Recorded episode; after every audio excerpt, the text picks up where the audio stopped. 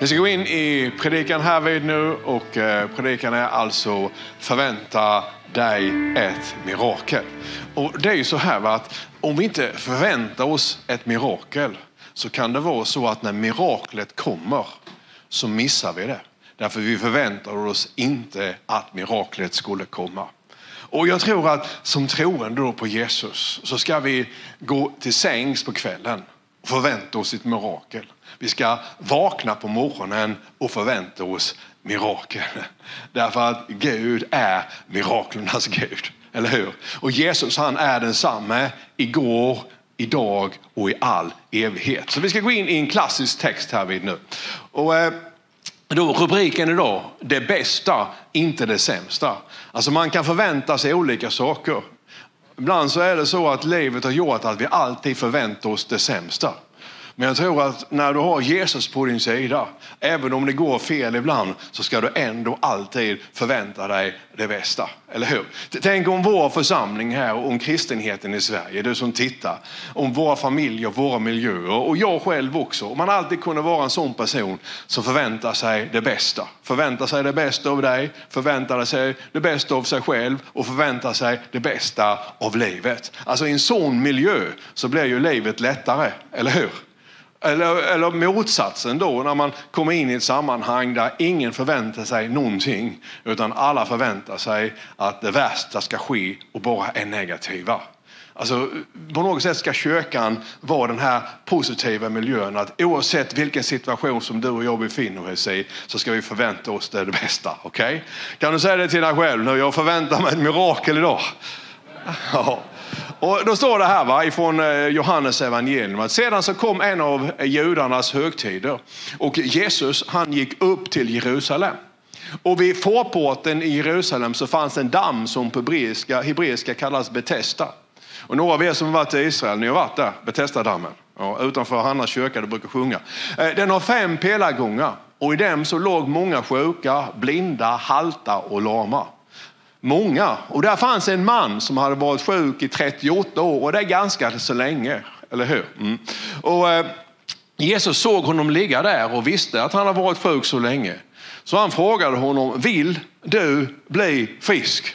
Och det är också en fråga att ställa kan man tycka, Jesus, vad var det för en fråga? Men det sa han i alla fall, vill du bli frisk? Och den sjuke svarade, Herren, jag är ingen som hjälper mig ner i dammen när vattnet börjar svalla. Och när jag försöker ta mig dit själv så hinner alltid någon annan före. Alltid någon annan som vinner. Så går vi vidare så står det så här va? att Jesus sa då till honom att res dig, ta din bädd och gå. Och genast så blev mannen frisk, han tog sin bädd och så gick han.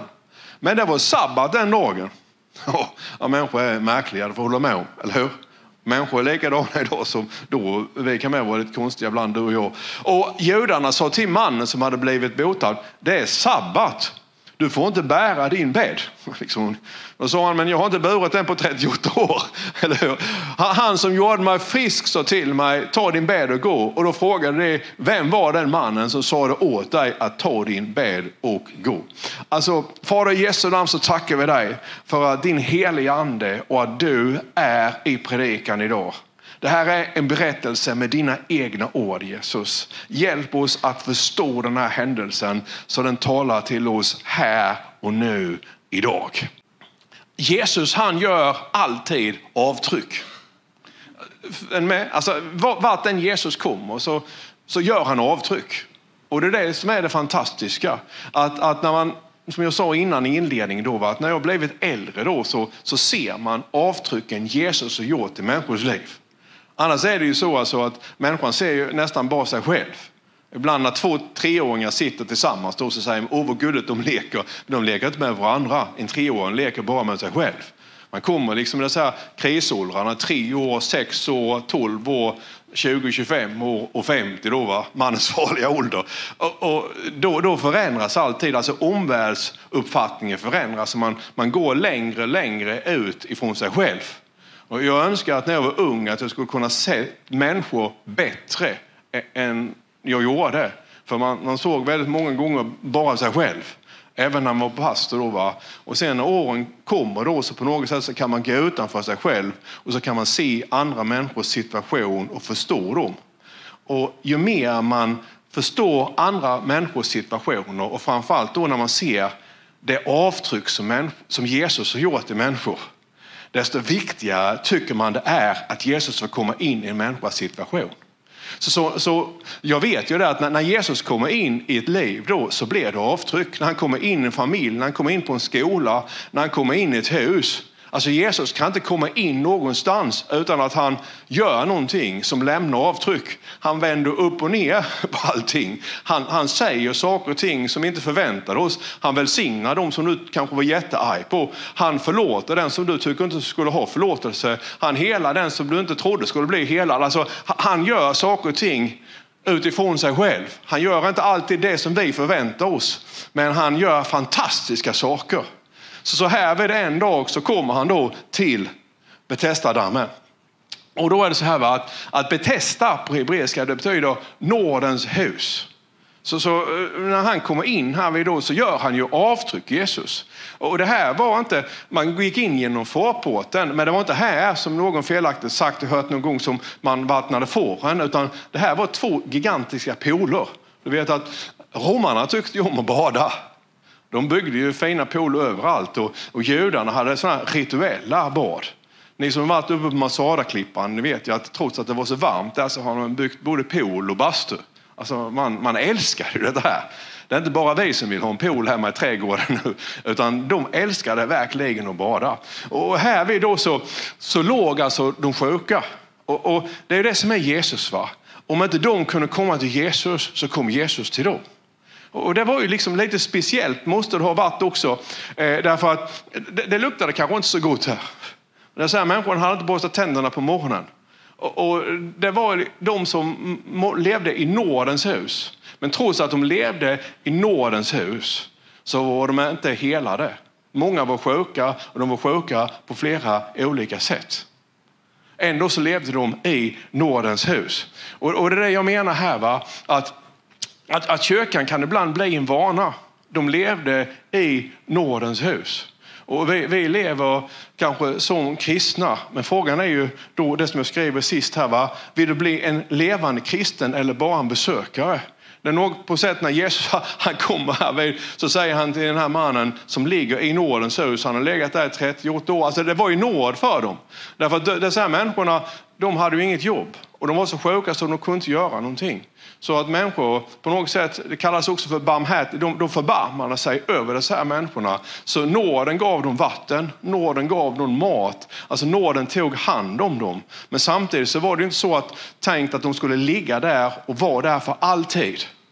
Och det är samma sak med församlingen. Va? Församlingen är på något sätt, när vi kommer samman, vi kristna, så är det en, en plats av nåd.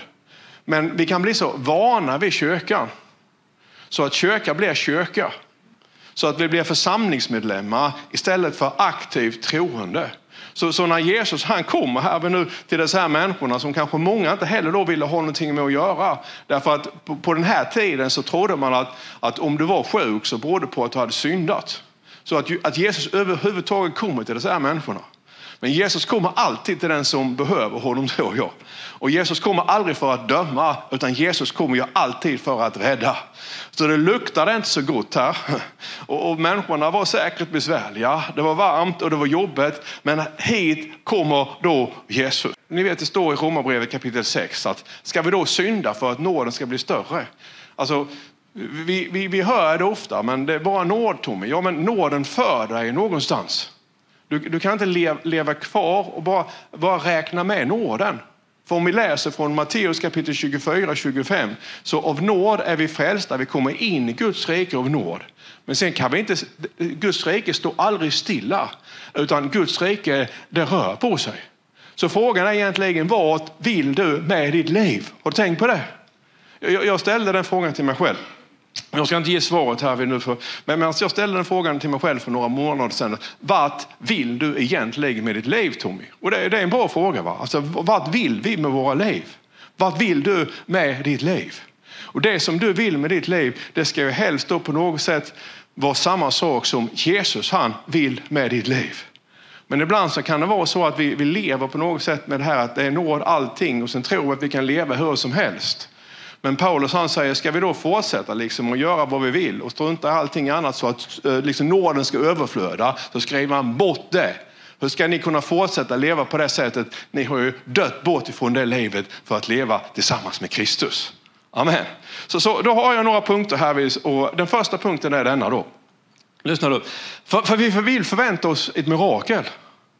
Men det gjorde det så här människan också. Men det var någonting som gjorde att miraklet inte inträffade. Och sen är det så att mirakel aldrig är en teknik. Utan det är ju ändå på något sätt Gud som gör det. Men du vet att stannar du för länge så kommer du inte vidare.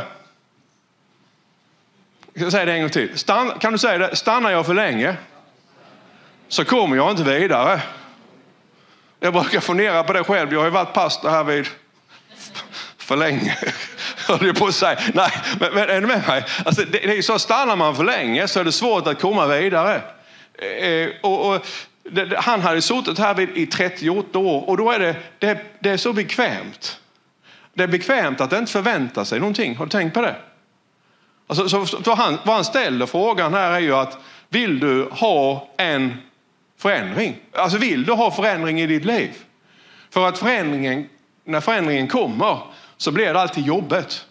Alltså förändringen har med sig en konsekvens. Alltså oavsett vad det är, om du ska måla om taket hemma, då vill du ha en förändring. Jag vill byta färg på taket. Jag tänker på mig själv, jag har sådana bastubrädor i taket hemma. Jag är så trött på dem. Jag skulle vilja måla om dem, men, men man kan inte få en förändring utan att man får en massa jobb också. Man måste bära ut alla möblerna. Och sen så får man måla det här taket själv eller ta dit en målare. Är du med mig? Alltså det, det, det, spelar ingen roll om det är en andlig förändring eller någonting som du vill göra hemma. Vill du ha förändring så kommer det till att kosta på. Och därför så är det bekvämaste att inte göra någonting. Eller hur? Taket kan vara som det är. Det funkar ju med en bastubräda i taket i alla fall. Det finns de som inte har några brädor alls i taket kan man ju tänka. Eller hur? Så är det va. Och jag vet ju människor då som, som man pratar med ibland, de har ju stannat för länge, länge sedan. Jag, jag träffar människor och säger, Tommy, du ska bara, bara varit med. Alltså vilken härlig ungdomsväckelse det var. Alltså vi hade det så trevligt. Och det var ungdomar därifrån och sen kommer det en buss därifrån och sen kommer det en buss därifrån och ögonen lyser på dem. Och du vet att de, de lever verkligen i den här ungdomsväckelsen. Men det är bara ett problem. Vet du vad problemet är? Att de är pensionerade idag. De lever fortfarande i ungdomsväckelsen. Alltså den ungdomsväckelsen som var för 50 år sedan, den är inte mer. Alltså de, lever, de är fortfarande i Norden. De är i Nordens hus, men ingenting har hänt. Och det är det jag menar, det som har varit är inte längre. Alltså han har öppnat pärleporten och det är ju en fantastisk låt. Jag tycker det fortfarande. Eller kommer ni ihåg den här? Ja, det gör ni självklart. Pelle Karlssons. Va? Sången, Peter han kan det utan till här vid. Han är min sång och min glädje. Och jag kommer ihåg morsan som, som var det mest sekulära. Hon svor ju liksom varannat år. Men, men då på 60-talet när Pelle Karlsson låg etta på Svensktoppen. Då hade de transistorradio. Eh, eh, eh, fanns det någonting som hette då. Det var en radio så här. Ni som är unga vet inte vad en radio alltså det var en sån här grej. Va? Sen hade man batteri i radion. Man kunde ha ström också. Sen hade man en antenn så fick man ställa in den där. Hade den i köket. Och jag kommer fortfarande ihåg när de spelade Pelle Karlssons Han är min sång och min glädje. Vet. Och morsan hon, hon maxade den här transistorradion så det, det skrek ju ur allting som fanns i hela köket. Han är min... Eh, förstår ni vad jag menar? Och det var ju härligt. Hela kyrkan sjunger från Umeå, det såg morsan också, kommer jag ihåg då. Va? Det var ju så fint, de som sjöng då. Vad härligt. Och sen hade vi några släktingar ute på, på Lister. Eh, Inger och Hilding och några där vi som var frikyrkliga som var med EFS och så här. Va? De pratade om det lite grann hemma. Och, och det var ju gott. Men det är inte längre. Eller hur? Vi kan inte leva på det som har varit. Och det är samma sak med vår kyrka. Då. Vi, vi, har ju haft härliga tider här. Men nu så på något sätt så kommer Jesus och säger att ni kan inte förvänta er ett mirakel utifrån det som var, utan nu är jag på väg och vill göra någonting annat. Så frågan är, vill vi förändras? Så att vi kan förvänta oss ett mirakel i Sverige, i Sölvesborg, i Olofström, i Blekinge, i våra familjer, bland våra barn. Amen. För Jesus han kommer på nytt, men man vet aldrig hur han kommer. Det är det som är problemet med Jesus. Jag ska ta upp den här, träffa honom och säga till honom om man inte kunnat ge lite mer instruktioner och berättat lite mer hur han kommer. För man vet aldrig med Jesus. Så man kan aldrig, liksom bli, man kan aldrig säga så att nu är jag 100% säker. För om man säger att man är 100% säker då kan man bara slå sig i backen på att då har man helt fel. För då kommer Gud att göra någonting annat. Man kan inte placera Gud i en box. För Gud är Gud. Så fort vi besöker, försöker bestämma honom så slår han sönder boxen och det gör han någonting som vi inte hade förväntat oss. Så när vi då ska förvänta oss mirakel, då får vi förvänta oss att Jesus kan komma precis hur som helst och han kan göra det hur som helst som han vill. Så vi måste öppna våra sinnen. Helt plötsligt så står han där. Medan den här mannen han låg och väntade på att någonting skulle hända i dammen. Eller hur? Kan du se det? Mm. Alltså dessa här människorna de var ju, de var ju, de var ju, de, de var ju fast istället för fria. Och lyssna nu på mig, tänk på detta. När Jesus kommer till honom så säger han till honom, vill du bli frisk? säger han. Så säger mannen så här. Ja, du förstår Jesus att varje gång som, som vattnet rör sig, jag återkommer till det sen för det var helt fel. De trodde ju att det var en ängel som steg ner och rörde vid vattnet. Och då gäller det sig att kasta sig i vattnet så snabbt som möjligt. Ungefär som du är på sommaren när du är riktigt varm. Då. Spring ut och slänger dig i vattnet. Det gällde att kasta sig så snabbt som möjligt i vattnet. Varför det? Då? Jo, därför att den som var först i blev helad. Det trodde de på. Trots att ingen någonsin hade blivit helad så trodde de på det i alla fall. Mm. Men saken var ju bara det här, tänk på det här, alltså, i 38 år så hade han försökt. Va? Och varje gång som han liksom försökte att klättra sig fram då, så hade någon annan kommit tillbaka. Och då har jag tänkt så här, och det här tror jag inte du har tänkt på. Varför gick han då tillbaka varje gång? För om jag hade varit i hans ställe då, så hoppas jag att jag hade gjort så här. Alltså, hann jag inte fram första gången, så någon annan då hade hoppat i och när allihop andra hade gått upp igen, då hade jag inte flyttat tillbaka. Kan ni tänka efter lite grann nu? Eller hur?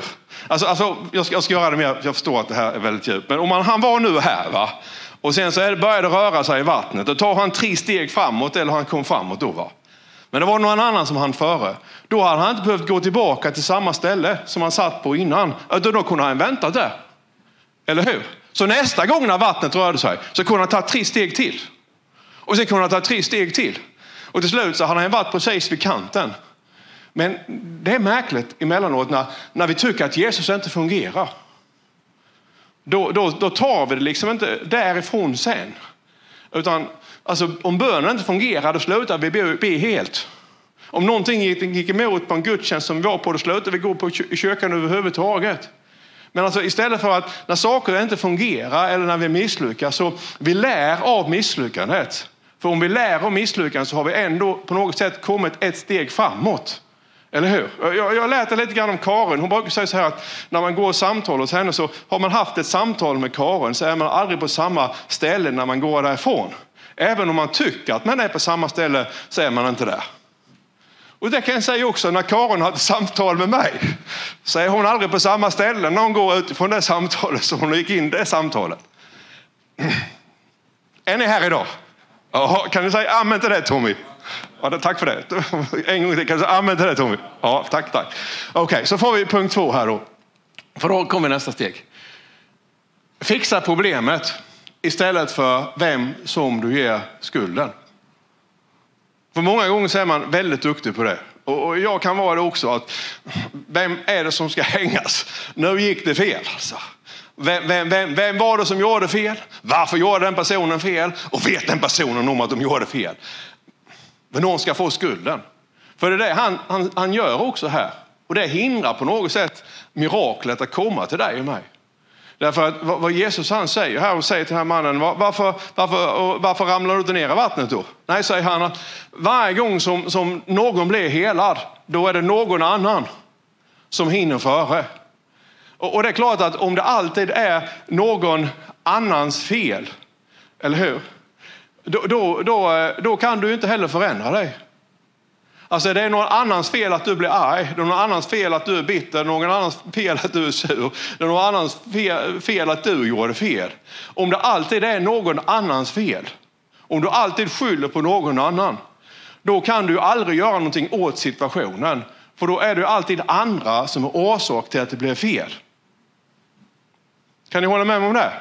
Ja, och, och, så, och så är det också så att det, det, är människor som har sagt att det är mitt fel då. Eller hur? Ja, det var Tommys fel säger du. Men det är ju ganska farligt egentligen, har du tänkt på det? Att när du ger andra skulden för saker och ting som gått fel i ditt liv, vad innebär då det? Jo, det innebär ju att då lägger du, lägger du ditt liv i deras händer. Det var Tommys fel att det hände. Det var Tommys fel att mina unga gjorde det. Det var Tommys fel. Nej, det är inte mitt fel. Då lägger du liksom ditt öde i mina händer. Eller du lägger ditt öde i någon annans händer. Gud har gett dig ansvaret för att ta hand om dig själv. Så så länge som du skyller på någon annan så kommer ju ingenting till att hända. Om inte någon annan gör någonting för dig. Det är därför som Jesus han säger till honom att, att ta ditt problem, säger han. Res dig upp och gör någonting. Men Jag är bitter. Ja, men ta din bitterhet och gör någonting med bitterheten. Jag är avundsjuk. Har ni hört den? Jag är så avundsjuk. Alltså, gör någonting med din avundsjuka, för avundsjukan förstör ju bara för dig. Jag är arg. Och jag sa. Ah, men gör någonting med din ilska, för ilskan förstör ju. Ilskan, och det är så att Gud är fylld av nåd. Så med din ilska kan du ligga i, i nådens hus. För Gud älskar dig i alla fall. Du kan ligga där med din bitterhet. Du kan ligga där med din avundsjuka. Men du kommer ingenstans. Och det händer ingenting heller. Så när Jesus kommer här nu så säger han, ta din bädd, säger han. Steg upp och gå. Alltså, gör någonting av ditt liv. Gör någonting med det. Och, och sen säger du då, men jag har försökt. Och jag menar verkligen det här nu, för jag vet att, att det kan vara oerhört svårt ibland och det kan vara tufft och det kan vara jobbigt. Och, och det är lätt att säga dessa här sakerna. Men, men om du har tagit ett halvt steg framåt eller om du bara har tagit ett litet, litet pyttelikt steg framåt, alltså ett sånt litet steg så det knappt märks. Försök att inte gå tillbaka sen till det stället när du kom. Utan om du kan gå en liten, liten steg framåt så är det ändå en förändring. Eller hur? Ibland så kommer Gud och så börjar du gå direkt. Och andra gånger så är det en process att bli helad, bli av med bitterheten, avundsjukan, oförlåtelsen, ilskan eller vad det än är. Men om du börjar processen, till slut så kommer du igenom. Eller hur? Mm. För nu kommer jag till tredje punkten. Och då säger Jesus så här. För att all kristen tro är inte kristen tro. Kan du säga det? All kristen tro är inte kristen tro. Alltså vad du tror bestämmer vad du förväntar dig. Så om jag säger förvänta dig ett mirakel och du inte tror på mirakel så kommer det som du förväntar dig att ske. Och det är det som är rubriken lite grann idag. Va? Alltså förvänta dig det bästa. För det finns så väldigt många människor som hela tiden förväntar sig det sämsta. Varför kan vi inte förvänta oss det bästa istället? Eller hur?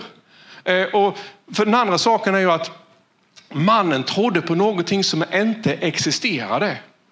Och idag så är det så att, att kristna är ute på internet och man googlar och bara för att det finns på Google eller bara för att det finns på internet så behöver det inte vara sant.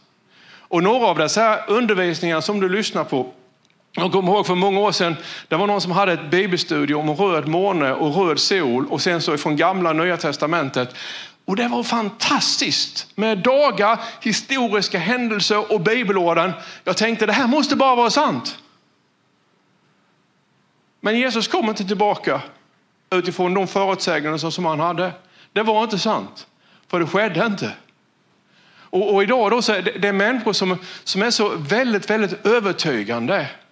Och, och idag så kan, är, det, är, det, så många på något sätt som, som har tillgång till dig och mig. Fast du vet egentligen inte vem det är som säger vad.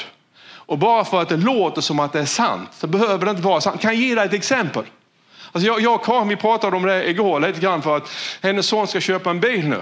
Och då sa Karin att jag kan följa med till bilhandlaren, sa hon när jag kom upp till Umeå. Så sa jag till Karin, det kan, jag, kan du inte, sa jag till Karin, därför att du tror på vad bilhandlaren säger. Trots att han kanske ljuger för dig. Så säger jag, det tror jag absolut inte han gör, säger Karin då, för det skulle aldrig jag göra. Och det är det som är problemet med frikyrkokristna. Du skulle aldrig ljuga. Och frikyrkokristna som är uppväxta i frikyrkan är ibland extremt naiva. Därför att du tror, det du tror om dig själv tror du om andra och det är väldigt fint. Bara det att de är inte som dig. Så, så, att en bilhandlare, de är säkert ärliga och fina. Men hade alla bilhandlare varit som Karin, ja då skulle du kunna gå och köpa en bil. Då hade hon, då hade hon ju sagt, liksom, köp för guds skull inte denna. Men då hade hon ju fått sparken allesammans. Det var inte som när jag var ung då, alltså, då var det så här, i Valje så fanns det en bilhandlare som hette Eriksson. Och du vet att Valje, det är så att man kör ner i en fantastisk dal, alltså världens vackraste, skönaste plats. Va? Och sen, sen när man kommer mot Bromölla så kör man uppifrån dalen, man kör upp för backen. Och jag bodde där uppe på krönet av backen då. Och jag hade en Opel Rekord. 1900. Och jag vet inte hur många toppackningar som vi hade bytt på den och mina föräldrar hjälpte mig med de tycker synd om mig. De gjorde dem utfattiga. Så jag var tvungen att byta bort den här bilen för nu fungerade den inte alls. Alltså, det gick inte att byta toppackning mer. Så jag tänkte att det, det gick alltid att göra bilaffärer med Ericsson. Så att jag åkte ner till honom då och såg att jag har en Opel denna och detta. Nej men det går bra, sa han. Vad, vad kan du tänka dig? Så han hade en Fiat, kom ihåg va? En gul Fiat 128 Sport. Och egentligen ser jag emot italienska och franska bilar. Blir inte arga på mig, men vet du, de, de, det är så. Ska man väl byta skivbromsar på en italiensk bil så vill man aldrig mer ha en italiensk bil för de, de, de sätter ju ratten före hjulen på något sätt. Det är väldigt invecklat. Men den här var jättesnygg den här bilen. Den var nylackerad. Gul. Och de är, rätt, de är rätt så roliga att köra. Va? Så jag köpte den här, jag fick ett byte då. Va? Och det var ju problem då när jag skulle ha ner den här bilen. Då, då gick E22, det var inte motorvägen byggd. Så jag fick ta upp mina kompisar då. Så de, de, de puttade bilen så att jag, jag fick ut den liksom uppe på krönet nerför backen. Då. Sen så låg jag i frihjul och Sen så, så, så rullade jag bilen när Eriksson inte var hemma. Då, så att den Ja, det var innan jag var frälst alltså. Så då rullade in på hans parkering där vid och sen så ställde jag bilen där och sen så tog jag hans Fiat. Och så tänkte jag att jag är den första i världshistorien som har klott Eriksson på en bilaffär. Eller hur? Problemet var bara ett halvår senare när vi skulle besikta den här Fiaten så så, så, så lyfte besiktningsmannen på mattan i baksätet och sa han, Tommy sa han, det är ju hål i golvet. Jag vet inte, men förstår ni vad jag menar här? Alltså, det, det, är ju så här att det är en sak när det är bilhandlare, men det är mycket, mycket allvarligare när, när det gäller livet. Så allting som sägs behöver inte vara sant. Och det, det som, som händer här då att den här mannen, han trodde ju på någonting som inte existerade. Eller hur? För har du fel förväntan så får du fel resultat. Han trodde alltså att det var en ängel som steg ner och rörde vid vattnet så att människor skulle bli helade. Ingen hade blivit helad. Och det var inte heller någon ängel som rörde vid vattnet. Utan det var ett periodiskt flöde. Alltså, eh, romarna och judar älskade vatten. Va? Allting var sammankopplat. Så det var en ström av vatten som kom. Alltså, det var en helt naturlig förklaring bakom att vattnet rörde sig, för det gjorde det. Men det var ingen ängel. Och ibland så, så, kan det vara så också att vi måste på något sätt pröva det som sägs. För allt är inte rätt. Bara för att det är en pastor eller en präst som säger det så behöver det inte vara sant. Bara för att de är extremt övertygande på internet så behöver det inte vara sant. Hör ni vad jag säger? Och det är därför som Jesus han kommer då. Varför kommer Jesus då? Jo, Jesus han kommer ju för att, för att det är inte sant. Och trots att den här mannen sen blir helad då, så fariseerna de kritiserar ju att han har blivit helad. Så även när Jesus kommer och Jesus gör någonting bland kristna, bland människor, så kan det finnas människor som kallas för kristna som kritiserar och vill att det som Jesus gjorde inte skulle blivit gjort. Därför att man är så totalt indoktrinerad av lögnen. Och många gånger så är det så som sektorn växer fram. Va? Man har ett väldigt starkt sammanhang. Så, så att man, man, man, man liksom på något sätt skriver under på den här teologin. Eller den kristna tron som inte är sann. Bara för att man är vänner. Men det fungerar inte på det sättet. Det är inte så det är. Förstår ni vad jag menar? Alltså, så Jesus, han på något sätt, han är mitt ibland oss. Och han vill hjälpa oss. Och han är där för att avslöja lögnen. Den här mannen trodde på någonting som inte var sant. Och det menar jag talar till hela Sverige nu. Jesus är på riktigt. Så vad vi behöver göra idag i frikyrkan tror jag, vi behöver klä av oss allting som vi klistrat på oss som inte är riktigt. Vi behöver ta av oss det som inte är sant. och våga komma in i det som på något sätt är på riktigt. Och våga säga till Gud att nu utmanar med dig Gud. Vi förväntar oss mirakel. Vi förväntar oss inte halvmesyrer. Vi förväntar oss inte någonting konstigt som vi manipulerar själva, utan vi förväntar oss äkta mirakel. Eller hur?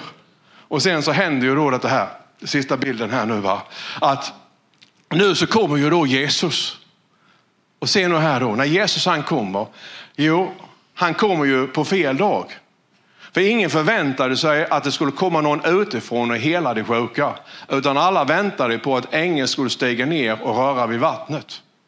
Som inte existerade, eller hur? Han kommer på fel sätt. Han var ingen ängel. Han är fel person. Och i deras ögon så är det så bara att allt han gör är fel. Men problemet var inte att Jesus var fel. Problemet var att liksom det här huset av nåd var fel. Problemet var att deras, deras tro var fel. Problemet var att deras förväntningar var fel, det existerade inte. Det var någon som hade kommit på det någon gång och sen trodde alla på det. Förstår ni var jag vill komma? Vi, vi måste någonstans lämna allting annat och komma till Jesus.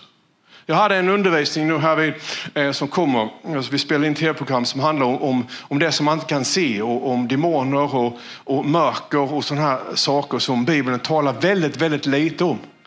Jesus på något sätt levde ju i den osynliga övernaturliga. Han säger inte så mycket om det. Paulus han skriver att striden står inte mot kött och blod utan mot andevärldens första väldigheter. Ändå pratar de väldigt lite om det. Varför pratar de väldigt lite om det? Därför att de pratar om lösningen istället. Lösningen är inte att prata om det negativa. Lösningen var inte att prata om mörker och konstigheter som vi inte kan se. Utan lösningen var istället att tala om det som vi kan förstå och det som kan göra en skillnad. Så vad talade Jesus om då? Jesus talade om Jesus. vad talade Paulus om? Jesus, Paulus talade om Jesus. Så vad, vad, vad, är lösningen? Lösningen är inte att änglarna kommer. Lösningen är att Jesus kommer. Är, är, är du med mig? Lösningen är inte att, att det sker någonting ute i skogen när du går eller att det är någon som knackar på fönstret och du kan inte se vem det är. Utan lösningen är Jesus. Och bara Jesus och endast Jesus. När jag var på den första kursen, jag ska avsluta med det. Så, ni vet, där i Indien, de har ju liksom fläktar både här och där. Jag kom upp på scenen då, va? det var ju åtta fläktar. De älskar fläktar, de fläktar ute också. Va? Och de levde ju sitt eget liv. Och jag hade ju förberett världens predikan, hur jag skulle predika människor till tro. Den var väldigt invecklad kan jag tala om. Och det var ju så här va. Och sen, sen, sen så, när jag skulle lägga upp den här predikan så hade man sådana här, här gammalt notställ som vi hade förr, så här blanka, kommer ni ihåg dem? Det var ett mirakel om man hade kunnat sätta upp dem utan att man hade stuckit sig och, skurit sig på dem. Och när jag väl satt upp dem så stod de knappt. Och när jag då la upp utkastet på min predikan på det här notstället då, så var det åtta fläktar. Och det, det, ja, alltså jag, jag hade ju en stor predikantbibel också. Det var väldigt viktigt då när man var ny predikant att ha en stor bibel. Va? Och det här notstället kunde jag absolut inte bära bibeln. Hade jag lagt min gigantiska bibel på notstället så hade ju hela scenen rasat. Jag fick ju upp eh, utkastet där och det tog ju två minuter, sen var det borta. Och då fick jag predika det jag kommer ihåg och det handlade om Jesus. Och, och du vet, det, då den, här, den här uppenbarelsen kom då, va? att när vi säger samma sak som Jesus, så för Jesus han sa ta din väg, stig upp och gå. Då, då, när vi återupprepar hans ord med hans ande, då blir det som att Jesus han säger det.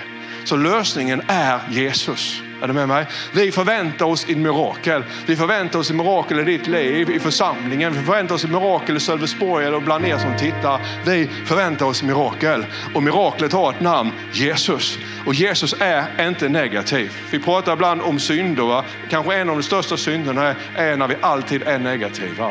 Istället är det så va? att Jesus är positiv. Och vi förväntar oss mirakel av honom. Amen. Halleluja. Ska vi stå upp tillsammans? Mm. Och när han då helar, han, många, jag har hört några predikan säga att han helade en. Lyssna på mig nu. Det gjorde han inte. Kom igen nu. För vad, vad, vad, vad, vad är egentligen poängen med hela den här situationen? Här hade du, kan, kan alla vara med nu, du som tittar med? För, för det här är jättebra när jag ska säga nu. Alla dessa här människorna, vad gjorde de? Jo, de förväntade sig att en ängel skulle stiga ner och röra vid vattnet de hade fel trosgrund. De trodde fel. För många gånger så säger han helade bara den här mannen. Nej, när Jesus han kommer då och helar den här mannen. Vad gör han då samtidigt? Jo, då sätter han alla de andra fria. Varför det då? Jo, för när han helar den här mannen så befriar han också dem från deras felaktiga tro och väntar på en ängel. När han helar den här mannen så pekar han också på att det inte är någon ängel som inte finns som ska röra vid vattnet, utan ni kan alla bli helade. Men inte genom en ängel som inte finns, inte genom en teologi som är påhittad, inte genom en konspirationsteori, utan ni kan alla bli helade när ni kommer och rör vid mig. Så, så, att det är inte så att han bara tog den här mannen som lämnade de andra åt sitt öde. Nej, när han helade den här mannen så satte han alla som ville bli fria. Han pekade på att det är Jesus det handlar om. Kan du se det? Halleluja, det här är hur bra som helst.